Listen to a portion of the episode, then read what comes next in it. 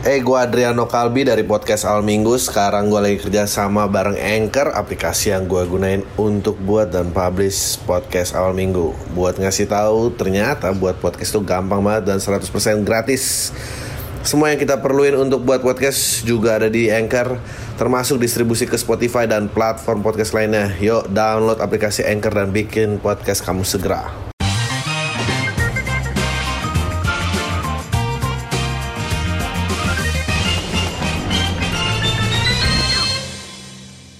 Halo semua lagi dengerin podcast Al Minggu bareng gue Adriano Kalbi. Um, gue harap lu semua baik-baik aja uh, dan sudah menerima vaksin. Tapi kayaknya belum ya. Kayak pendengar, kayak pendengar podcast tuh nggak ada yang diprioritaskan untuk dapat vaksin, vaksin ya. Yakin gue.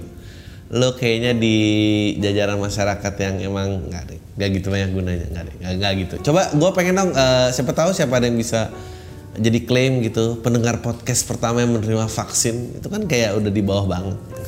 Uh, eh, gue harap lo baik-baik aja. Gue harap uh, keluarga lo sehat-sehat dan lo sehat dan, I don't know, segera divaksin kali. Gue sih um, sejujurnya kayak merasa lolos dari uh, lubang jarum ya, uh, maut yang menanti karena, eh gue kemarin cerita gue pakai AstraZeneca, batch 547, men 547 gue inget selalu itu angka yang horor banget buat gue uh, karena ada yang meninggal abis dikerok. Dan gue juga waktu baca beritanya abis kerokan. Untung nggak mati men. Tapi there's always something about kerokan ya. Uh, kok gak ngerti sih kenapa? Karena apa ya? Kayaknya tuh semua orang uh, kalau kerokan nggak boleh mandi kerokan nggak boleh mandi. Gue tuh penasaran yang membuat klaim-klaim seperti ini tuh samplingnya berapa sih gitu? Maksudnya berapa apa lu pernah mengerok 100 orang lalu dikucurin shower terus lo lihat berapa orang yang mati? Ya itu semua. Semua sih kalau ancamannya mati kayaknya nggak berani dilakuin apalagi yang seinnocent dengan kerokan gitu. Wah nggak juga sih. Korupsi ancamannya mati tetap aja. Nggak ya nggak. Korupsi itu nggak mungkin uh, hukumannya mati. Karena kalau dia mati yang ada duit orang banyak yang ketahan jadi nggak mungkin hukuman mati. Itu dia kenapa dia dibela jangan hukuman mati. Tapi yang nyebelin dari hal-hal kayak gini adalah begitu eh, nggak uh, boleh hukuman mati uh, nanti ntar dia akan mencari uh, eh, NGO NGO dan SJW SJW yang yang yang maksudnya sama uh, yang anti hukuman mati gitu. Uh, padahal ya agendanya bukan itu Itulah kenapa um, apa NGO dan SJW itu selalu ditunggangi menurut gue berdasarkan kebutuhan politik yang lebih besar pasti. Apa untungnya dong kalau sebuah kebijakan di approve tapi tidak menyelamatkan politisi yang korup? Ngapain ngapain? Demi keadilan. Nggak ada harganya keadilan itu. Keadilan tuh cuma meruntuhkan uh, status quo yang sedang berkuasa. Jadi There is no way in hell. Uh, banyaklah kita ngelihat kayak gue tuh yakin banget kayak pilpres kenapa dia progresif terus membela isu ham dan segala macam. Karena dia punya data di mana pembela-pembela isu ham dan yang progresif itu punya marketnya sendiri dan dia terus bersuara. Nah itu media gratis buat mereka. Uh, emang yang sedih menurut gue I'm not trying to be this old person yang grumpy dan tidak mau apa ya ikut dengan kemajuan zaman. Tapi uh, eh, gue rasa yang sedih itu saat menjadi digitalisasi bidang pertama yang kehilangan kredibilitasnya adalah uh, jurnalistik gitu. Um, uh, dulu informasi diatur sekarang semua bisa buat info, narasinya sendiri dan kayak berita-berita tuh kayak kayak misalnya nih um, ini detik loh. SIM Kekaisaran Sunda Nusantara diklaim berlaku internasional ini aturannya. Eh dan nggak? Maksud gue coy ngapain detik bikin gitu? Karena eh, nggak uh, ada benda fisik nggak ada lu nggak ngelempar eksemplar semua digitalisasi. Jadi cover aja semua berita gitu. Gua, gua nunggu sih momen di mana um, apa? Momen di mana uh, kurasi itu tuh jadi penting lagi. Dan dan kayaknya ya nggak tahu ya kita akan kayak ngapain lu bikin bikin berita tentang sim kekaisaran Sunda. Gue tuh sedih loh sama orang itu sebetulnya si siapa tuh orang waham itu yang ternyata nggak waham. Yang ternyata kalau uh, udah famous dan dapat duit uh, dia lupa tujuan semula. Itu sedih banget loh gue tuh berharap banget dia ada di atas sana membuka identitas asli kita orang-orang Nusantara menyihir menyihir orang dan semua orang kayak uh, ya gitu kali ya. Tapi untungnya informasi cepat adalah orang-orang agung-agung ini cepat sekali diruntuhkan. Uh, makes you wonder kan tentang hal-hal apa yang udah dijejelin dari otak-otak kecil itu. Orang-orang itu gue gak usah sebut orang-orang itu artinya tapi buat yang mengerti orang-orang yang kita agungkan itu. Kenapa dia sebenarnya? Apa karena gak ada informasi tidak ada narasi yang melawan? Ya mau nggak mau lo mengakui dia tuh superior. Ini tuh bahayanya pam tuh kayak gini sebetulnya. Um, ya gue sedih banget gue berharap ya dia sampai mata najwa lah. Membeberkan rencananya dia dalam you know dalam bagaimana mengubah negara ini dan memberikan wawasan baru kepada kita kita semua. Sebuah akhirnya kita bisa jadi bangsa yang tidak ke barat-baratan. bangsa yang tidak barat-baratan nih. Belum nyampe mana-mana gitu, udah robek-robekan baju sama GJLS, kasihan banget. Itu gua rasa uh, semua orang yang ngikutin dia, gua nggak tahu apakah lega uh, akhirnya kampungnya udah you know dilepaskan oleh pengaruh-pengaruh dia gitu. Pasti kan banyak remaja-remaja yang kayak aku udah nggak mau kuliah kamu kenapa nggak mau kuliah? Aku mau ikut si Lord Empire aja. Ya Allah nah ibu banyak cita-cita buat kamu kok malah kamu mau putus kuliah? Tapi dia orang agung bu. Aku percaya. Kok ibu dapat tagihan kuliah kamu belum bayar semester. Uangnya udah aku sumbangkan bu. Anjing. Itu kan masih banyak tuh orang-orang yang terjerat itu ya. Apakah banyak orang tua orang tua yang akhirnya menangis bahagia karena anaknya pulang gitu? Akhirnya yang disembah itu bukan siapa-siapa gitu. Itu kalau ditanya bapak kenapa kok mau robek-robekin? Ah itu kan hanya show saja. Saya uh, ikut berperan aja. Ya lupa tujuan awal sedih banget. Meskipun gue pas uh, bikin IG story itu banyak orang yang reply ya kan? Kacang lupa kulit kacang yang mau maju. Benar kacang lupa kulit adalah kacang yang maju. Gue masih mau percaya itu. Tapi kacangnya nggak bikin pengikut dong gitu. Nggak bawa orang ke dalam dan segala macem. Melakukan ritual-ritual aneh. Itu kan gue tuh percaya aja kita jadi ngomong ini. Gue tuh percaya sekte itu terjadi karena dan ini selalu dan ini selalu khas di orang waham Waham itu dia selalu merasa dia itu titisan. Titisan, eh, dia diberi pesan, dia orang agung, gue keturunan siapa, itu tuh khas lah. Eh, lalu dia membawa misi. Eh, dan ada orang-orang yang memang hmm, jati dirinya tuh lemah gitu. Dia nggak berpegang terhadap sesuatu, lalu mudah dipengaruhi. yang lu tau kan yang orang-orang dibilang dulu apa ya kebohongan-kebohongan kecil yang gue percaya bener tuh? Uh, eh, gue kira kayak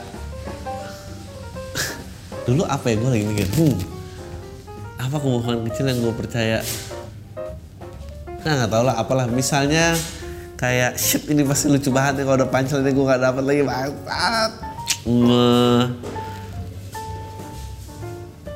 oh kayak kayak kayak misalnya uh, kalau tanggal gigi atas buang ke bawah gak tanggal gigi bawah buang ke atas itu kan kalau lu percaya gitu kan berarti emang lu sama jati diri itu terlemah gitu. Dan lu kalau dihadapin sama orang yang ngomongnya tuh meyakinkan dan ini ya lu tersihir gitu lu terserap dan oh ya udah begitu gitu. Um, dan caranya mengikat lu lebih jauh adalah uh, tarik aset-aset lu gue tuh selalu salut sama lu boleh cek lu boleh google um, bunuh diri massal terbesar sepanjang masa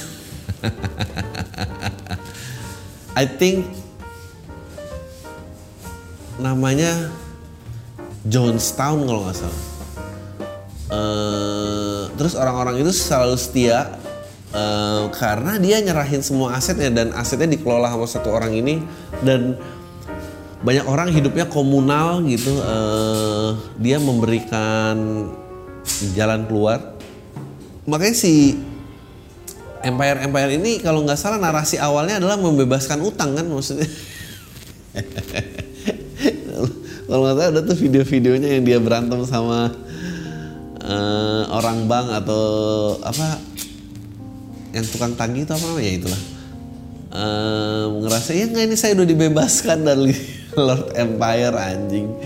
Goblok banget. Percaya lagi dibawa ke bank uh, emang uh, gue kemarin ngomongin apa ya? Independensi itu penting uh, karena lo karena lo harus makmur. Kalau lo makmur tuh lo bisa beradab beradab tuh. Dalam artian lo menurut gue teguh pendirian tuh nilai peradaban gitu bahwa lo orang yang beradab itu adalah orang yang teguh pendirian. Tapi lo harus makmur. Kalau lo banyak utang emang pasti gampang dipengaruhi orang gue yakin sedih banget emang. Uh, ya udah segitu aja dia. Uh, terus dia kena sorotan. Dan dia udah gitu. Dan aduh kita tuh kita tuh ngelihat orang kayak gini tuh sering banget sebetulnya. Over and over again. Hmm, sayang yang gue tuh bener gue padahal senang ngeliat orang gila di depan. Sampai orang bingung. Syukur-syukur pada percaya. Dia tuh ngebebas ngebebasin utang tuh dulu gue inget banget tuh. Orang gak ada yang bisa bebas dari utang ya. Gimana coba? Uh, viral bule parkir dua bulan di bandara Ngurah Rai bayar 9,6 juta. Anjir gue tuh selalu penasaran loh kayak mobil-mobil yang udah berdebu di gedung-gedung parkir tuh gue selalu ngerasa kayak mungkin ada pembunuhan di sana atau dagang narkoba penyembunyian uh, apa namanya stok gitu stok ditaruh di situ. Tapi ya ya udah apaan sih gue nggak and viral ibu-ibu maki kurir. Bagaimana sebenarnya sistem COD di online shop? Ya ampun. Ya ibu-ibu maki kurir tuh you know menurut gua tuh mestinya harusnya ada tes. Ada tes dalam uh, menentukan siapa yang berhak punya akses internet. Kalau lu nggak bisa menjawab tes ini ya lu tuh gagal gitu lu nggak boleh gitu. Lu nggak boleh handphone lu nggak boleh handphone lu balik ke telepon dan sms aja. Uh, lu nggak boleh langganan semua internet provider menurut gua. Itu hanya membuktikan kayak gini aja gitu. Itu bikin malu menurut gua. Tapi yang aneh tuh itu anaknya juga nggak gak nengahin waktu si ibu-ibu goblok si goblok begitu bapaknya nggak ada karena bapaknya pasti udah sebel. Bapaknya udah ogah. Bapaknya nggak pernah ada itu. Ya lu kebayang gak sih kalau online kalau kurir aja yang nggak ada salah dimaki-maki kayak gitu gimana suaminya? Coba. Udah menderita paling parah pas itu. Um, dan ya ya udah gitu. Ya, ya segitu. Emang cuma segitu doang kok. Terus rekam rekam uh, kemarin mudik transfer mau eh transfer mudik masker. Mau suruh ini semua orang marah. Aja gue temen gue juga polisi temen gue ada anjing. Yang sebuah ketololan aja uh, ya kayak dulu informasi dikontrol tuh ada benernya karena kalau udah bebas gini emang terbukti betapa bobrok ya bobrok lah smart people aja nonton orang waham aja. Apaan? Cuma segitu doang. Eh, plat B maki-maki polisi dia terima di perbatasan Sukabumi. Ya ini dia kan. Eh Anya Geraldine lagi buka lowongan kerja netizen ramai pengen resign. Kayak lu punya kesempatan sama Anya Geraldine aja. Orang-orang tuh ya Anya Geraldine buka lowongan terus pengen resign tuh harapannya apa? Harapannya apa? Nunggu Anya Geraldine sedih. Terus lo kayak kantor belum tutup malam-malam lo keluar gitu. Loh, ibu masih di sini. Terus lo berharap ada romance apa gitu bersama Anya Geraldine nggak nyampe, Bro. Udah lu pegang aja kerjaan lo. Zaman lagi susah. Syukur-syukur lu nggak dipecat karena pandemi ini. Eh, lu malah kerja buat Anya Geraldine berharap apa? Ya Anya Geraldine nggak mau lah sama karyawannya goblok. Nggak mau dia. Lu ya mungkin itu kali di kepala orang ya. Lu tinggal lu kira tinggal sendirian di kantor lu turun terus lu ngeliat Anya Geraldine masih nangis di ruangan loh ibu kok belum pulang? Enggak saya tidak ada masalah. Emang gini aja tai. Sakit semua di kepala. Sakit lah semua orang. Eh ini nih ini. Gue tuh gue tuh serem banget ya. Gue kan gue udah mencoba ya main nggak mencoba sih masih bermain saham eh, kemarin siapa yang nge-tweet? Gue bilang kayak malah si Adri yang masih ngomongin relationship Radit udah ngomongin investasi bangset lo oke gue ngomongin investasi sekarang. Eh, menurut gue em, pandemi ini tuh nyeremin banget dan hanya akan menyakin menyeramkan sih gitu terutama ekonomi gitu. Dan ini Garuda nih menurut gua sedih banget sih kayak tar, tar, tar. rugi aduh ini ini ini pro- bangkrut ya? Gokil men. PT Garuda Indonesia bangkrut. Gila gak sih? Serem bro. Lo gue dengar ini mungkin gue salah ya. Eh, 1.500 pesawat akhirnya cuma bisa beroperasi 700 eh, utangnya tuh kalau nggak salah 4,6 triliun. So they have to fly 1.500 itu. Karena pesawatnya dipotong setengah semua orang dipotong setengah ka- eh, karyawan dipotong setengah. When the investment of time, school, family yang rely, orang yang masih kredit, itu pakai apa ya gitu. Maksudnya lo harus bertahan sama apa gitu. Dan dan eh, sejak main saham tuh memberikan indikasi 3 sampai 6 bulan ke depan. Dan pasar tuh memang freeze. Pasar tuh nggak nggak untung nggak rugi gitu. Ya udah dia di situ aja. Ada beberapa yang udah mulai rugi. Dan kalau hari ini pasar itu stuck otomatis nanti 3 6 bulan 3 sampai 6 bulan ke depan uang yang beredar tuh pasti stuck juga. Eh gue sih nggak tahu ya apakah ada yang mendengar ini orang-orang yang berkaitan atau kenal atau kerabat atau keluarganya memang bekerja di Garuda menurut gue ini mengerikan men. Lu bagi orang-orang yang eh, punya pekerjaan bertahanlah dengan pekerjaannya gue nggak tahu sih harus ngomong apa lagi gitu lo dan ya kok mati nih eh, apa tunggu gua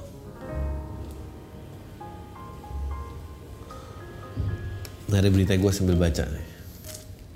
Empat fakta penyebab Garuda Indonesia diambang kebangkrutan. Oke. Kan lo pandemi nih, lo nggak boleh travel. Em, I don't know apakah jadi boleh gitu traveling asal sesuai protokol itu. Tapi kita punya ancaman pandemi ini. Utang Garuda itu tercatat 4,5 miliar US dollar ya. Mendekati 70 triliun. 70 triliun men. Pemegang saham mengakui Garuda Indonesia berpotensi bangkrut. Kebangkrutan Indonesia menjadi kenyataan jika skema restrukturisasi utang yang menjadi opsi Kementerian BUMN tidak disepakati oleh kreditur. Tapi gue yakin sih perusahaannya diselamatin. Nggak mungkin dibiarin, I don't know, mungkin ya. Nggak, tapi dia BUMN Indonesia diselamatin sih. Mencapai set, ya men gue yang kayak gini-gini tuh keringet dingin sebenarnya dan ini gue nggak tahu cara melucunya gimana. Harga sewa pesawat mahal betul. Itu eh, gue dengar beritanya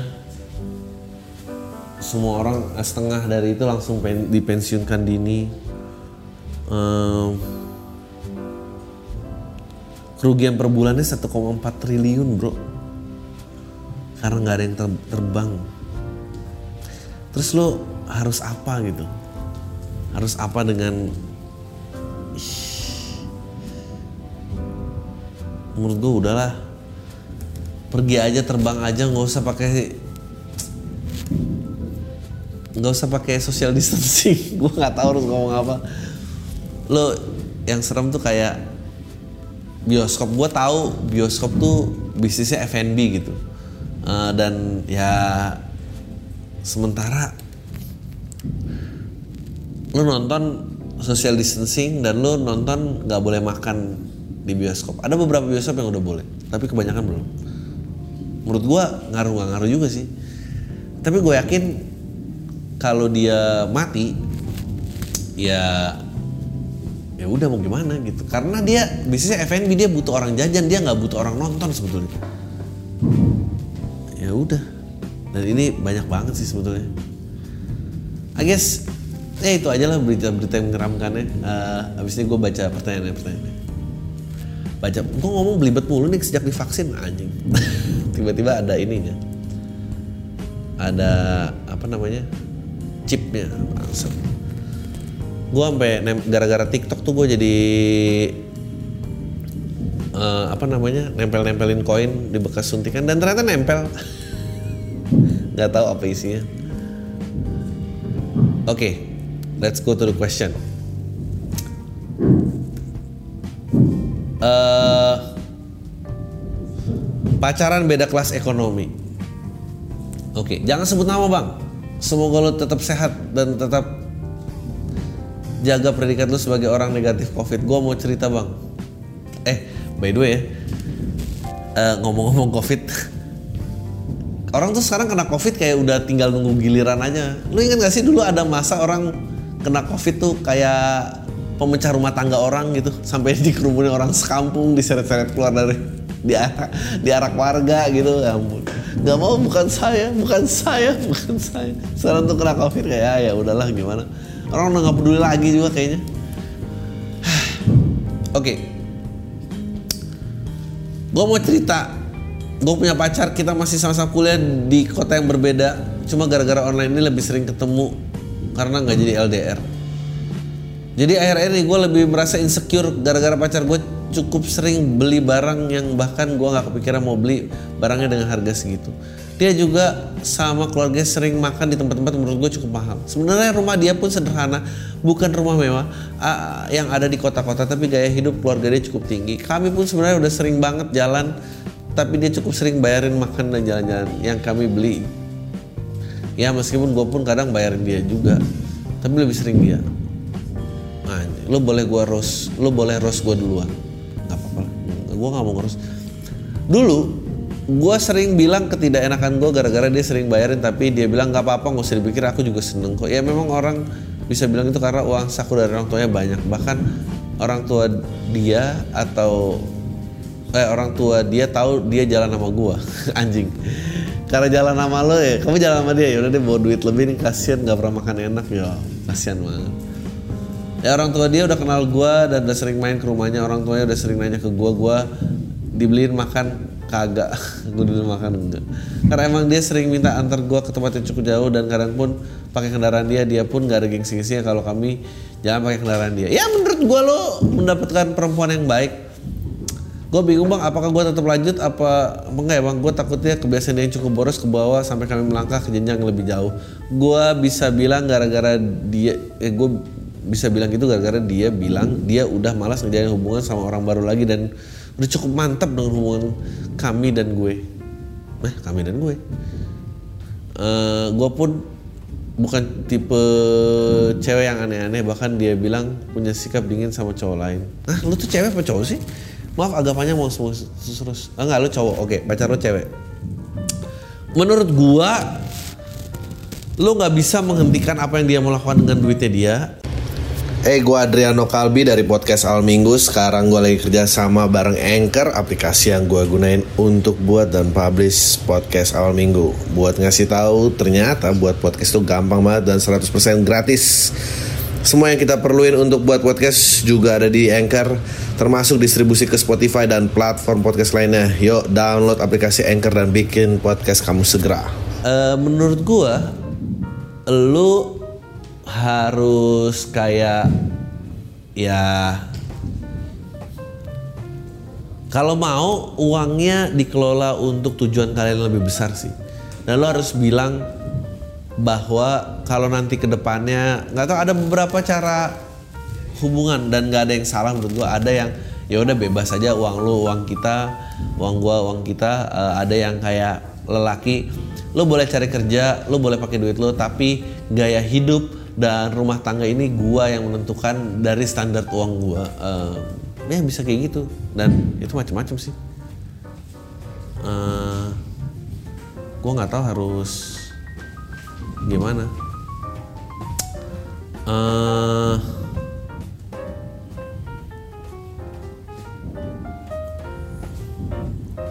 pacar gua big seksual oke okay, ini menarik nih halo bang Adri gue pendengar lo udah lama dan ini baru pertama kali gue ngirim email ke lo karena baru karena baru kebetulan baru ada momentumnya. Tolong sensor namanya bang. Bukan cuma buat privasi tapi gue juga privasi mantan gue. Lah mantan apa pacar? Jadi gini bang, gue kemarin sempat pacaran sama adik kelas di kampus. Gue selalu tertarik sama adik kelas bang karena lucu aja pacaran sama yang lebih muda. Bisa gue ajarin banyak hal dan semua mantan gue emang jadi nyambi jadi murid gue bang. Emang gue seneng ngajar sih bang. Ya lu tuh tiba-tiba orang yang deketin masa kamu soal gini aja nggak bisa sih? Coba lihat sini. Sini loh ini tuh ini tuh creepy banget tuh nggak? Ini tuh ini tuh dokter patient relationship guru sama student relationship. Lu mesti nggak boleh sih. Terang aja semua rapuh gitu orang lu gurunya kayak bos sama karyawan gitu. Dan FYI gue sama mantan gue beda dua angkatan walaupun awalnya deket karena dia masuk grup mentoring gue untuk salah satu mata kuliah. Dia ngaku kalau dia suka sama gue lebih dulu karena di antara mahasiswa yang lain dia yang paling suka nanya dan kontak gue dulu bahkan suka minta ditemenin buat nugas gue ya nggak bego-bego banget kok bang gue peka sama hints. Dan untungnya karena anaknya juga cakep banget rambut panjang lurus berkacamata kulit putih badan tinggi semampai. Jadi ya gue juga lama-lama baper bang sampah FYI waktu gue kuliah dulu gue juga ketua himpunan di jurusan gue pas dia baru jadi mahasiswa baru jadi kayaknya emang dia udah nyimpen perasaan kagum sama sosok ketua himpunan. Jadi emang gue nggak perlu keluar banyak effort buat dapetin cewek ini dan lu manfaatin predikat lu sampah, sampah. Lo yang kayak ngelur-ngelur gitu ya. Kamu masa nggak mau jadi ketua sih? Singkat cerita, akhirnya kita ngaku saling suka dan kita pacaran sekitar dua bulan pacaran. Gue beraniin untuk kiss dia bang. Dia sempat shock gitu karena itu first kiss dia. Tapi ini yang kedua buat gue sampah. Lo udah ketua dan pinter masa baru dua kali ciuman?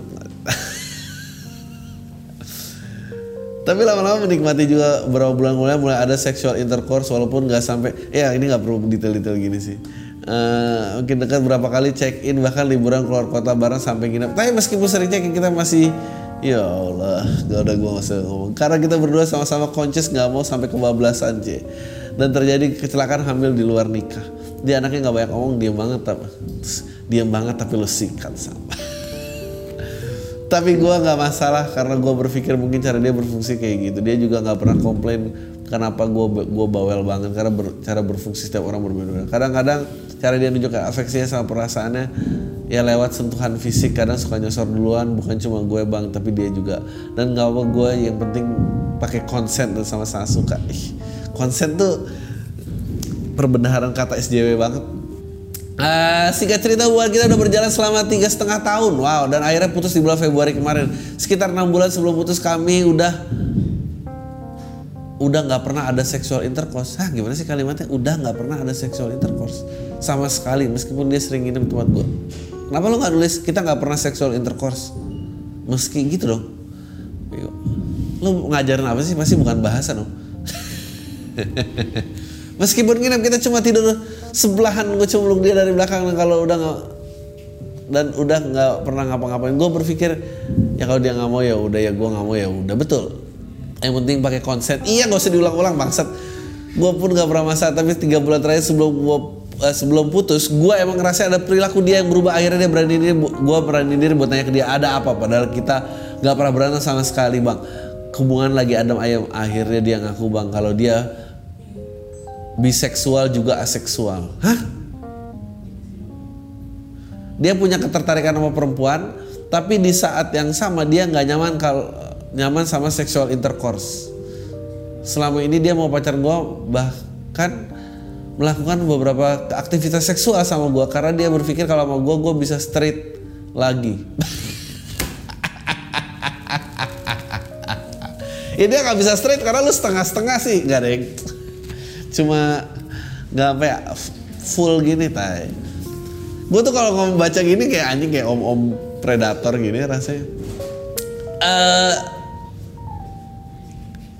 I I don't think that's how it works deh. Dia bisexual tapi dia asexual. You either asexual atau lu seksual begitu seksual lo ada hetero homo ada bi. Uh, ini sih menurut gue dia emang nggak cinta-cinta amat aja sih. Bisa straight lagi. Ternyata dia nggak nyaman sama itu. Di satu sisi gue juga kasihan bang karena gue udah mulai berpikir untuk serius sama doi. Sekarang gue udah kerja finansial udah stabil dan doi udah kuliah tingkat akhir. Gue berniat buat nikahin ini anak sementara dia nggak mau nikah dan nggak mau punya anak. Kalau nggak mau punya anak gue bisa paham gue pun masih belum mau. Tapi kalau nggak mau nikah gue nggak bisa bang Hah? meskipun gue gue malah kebalik loh. Meskipun gue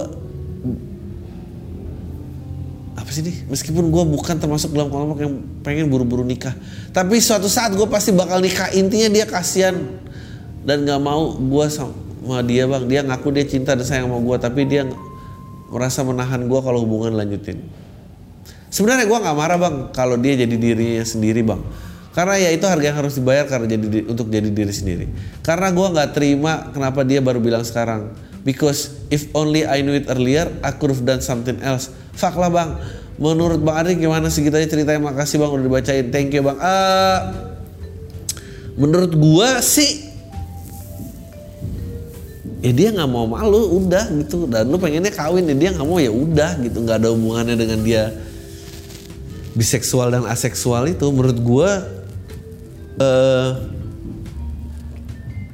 dia lu either aseksual atau lu seksual dan seksual ada tiga kategori di situ dan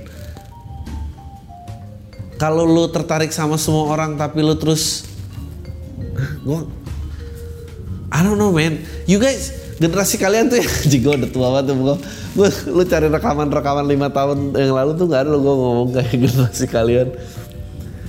Nggak kayak terus harus apa gitu? Gue gue bingung sih. Kenapa jadi aneh-aneh gini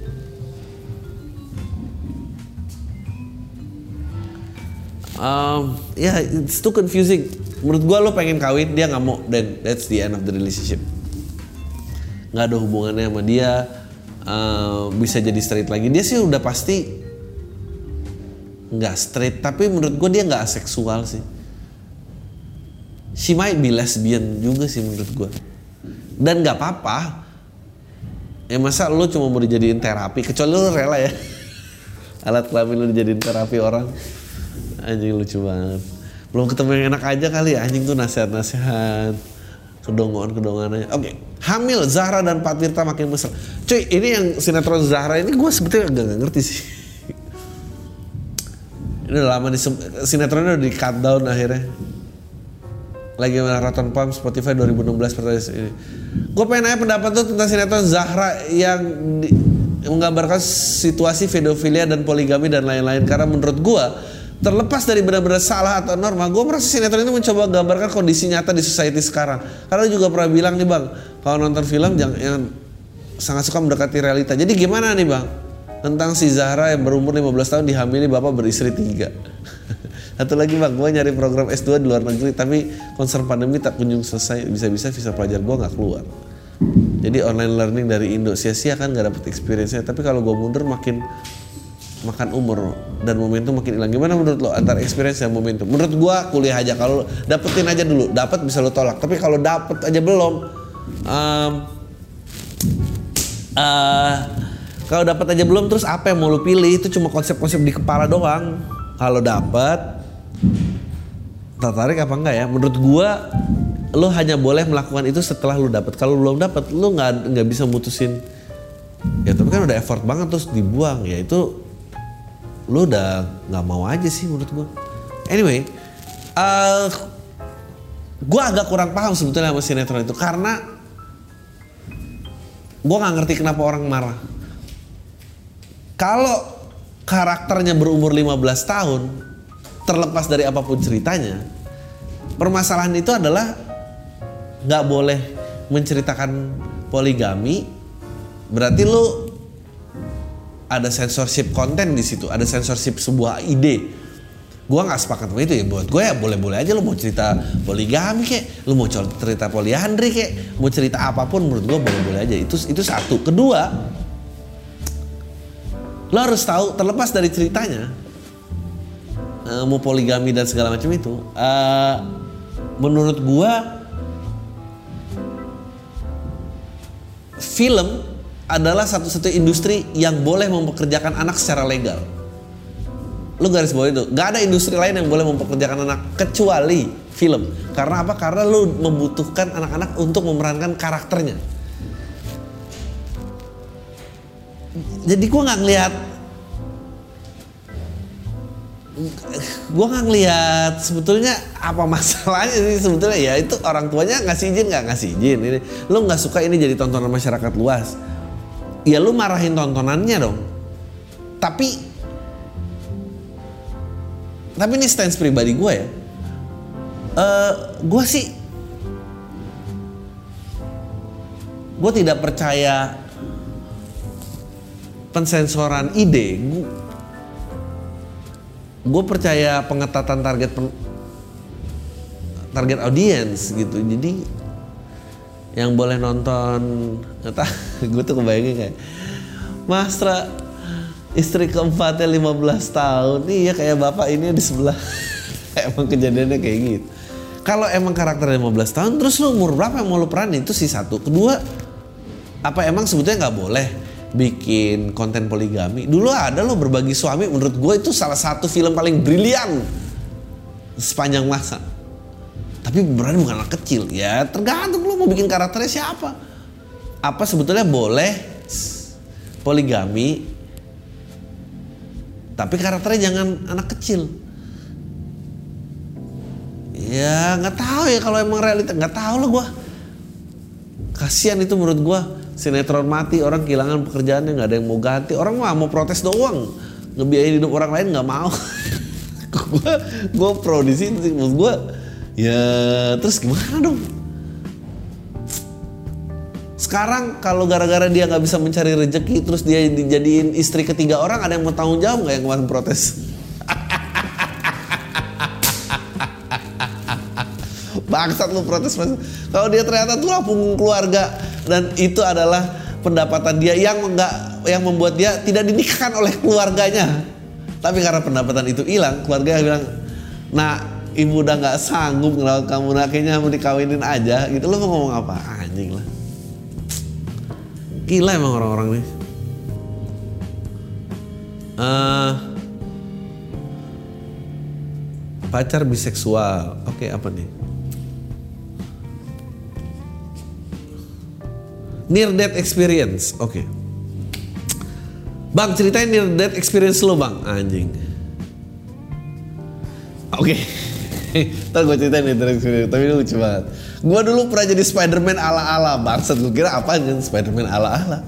Gue dulu pernah jadi Spiderman ala-ala karena takut ketahuan tidur di apartemen mantan dulu pacar. Ya ampun. Ceritanya gue nginep di apartemen cewek gue lantai 11 dari awal emang ada feeling gak enak karena nyokapnya lagi suka bolak-balik Bekasi Jakarta karena lagi ada yang sakit di rumah sakit deket apartemen dia tapi cewek gue bilang aman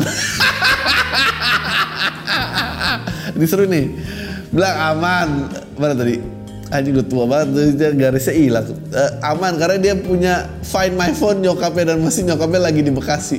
Jam 12 malam dan sebelum sesudah olahraga malam gue minta dia cek nyokapnya di mana. Karena hari itu hari Kamis dan Jumatnya masuk kantor. Gue udah malas balik ke rumah gue putusin untuk nginep Besok pagi ya sekitar jam 6 pagi tiba-tiba ada yang gedor-gedor pintu gue langsung bangun dan bangun cewek gue. Gue pikir dia pesen aqua atau apa. Tapi gue denger suara cewek gue langsung dia cek find my iPhone nyokapnya. Ternyata bener itu nyokapnya.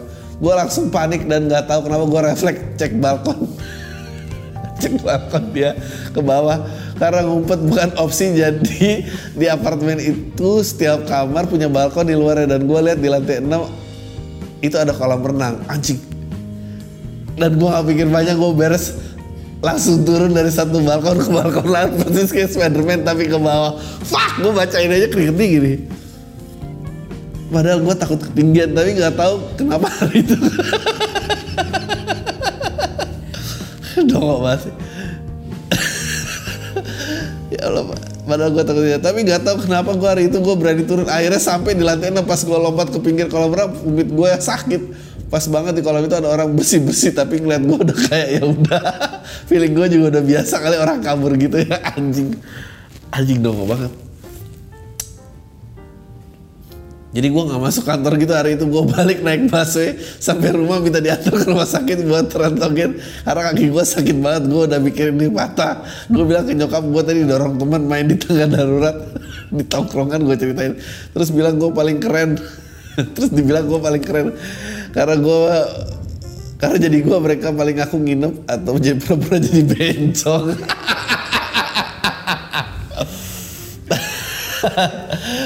Aji goblok banget. Gue bilang ke nyokap gue tadi dorong teman main di tangga darurat di tongkrongan gue ceritain ini.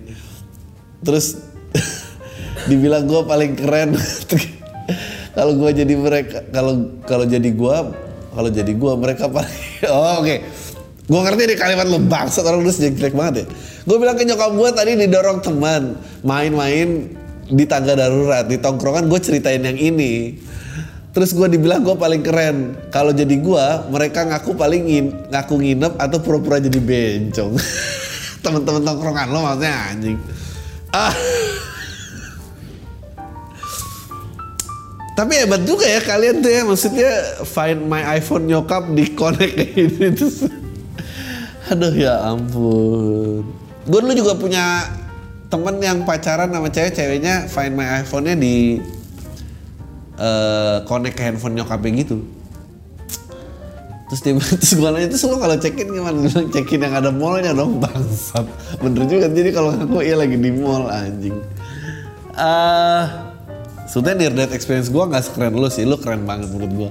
Near death experience gue itu uh, gue panas, dan waktu itu hampir 42 derajat 41 kan 41 something.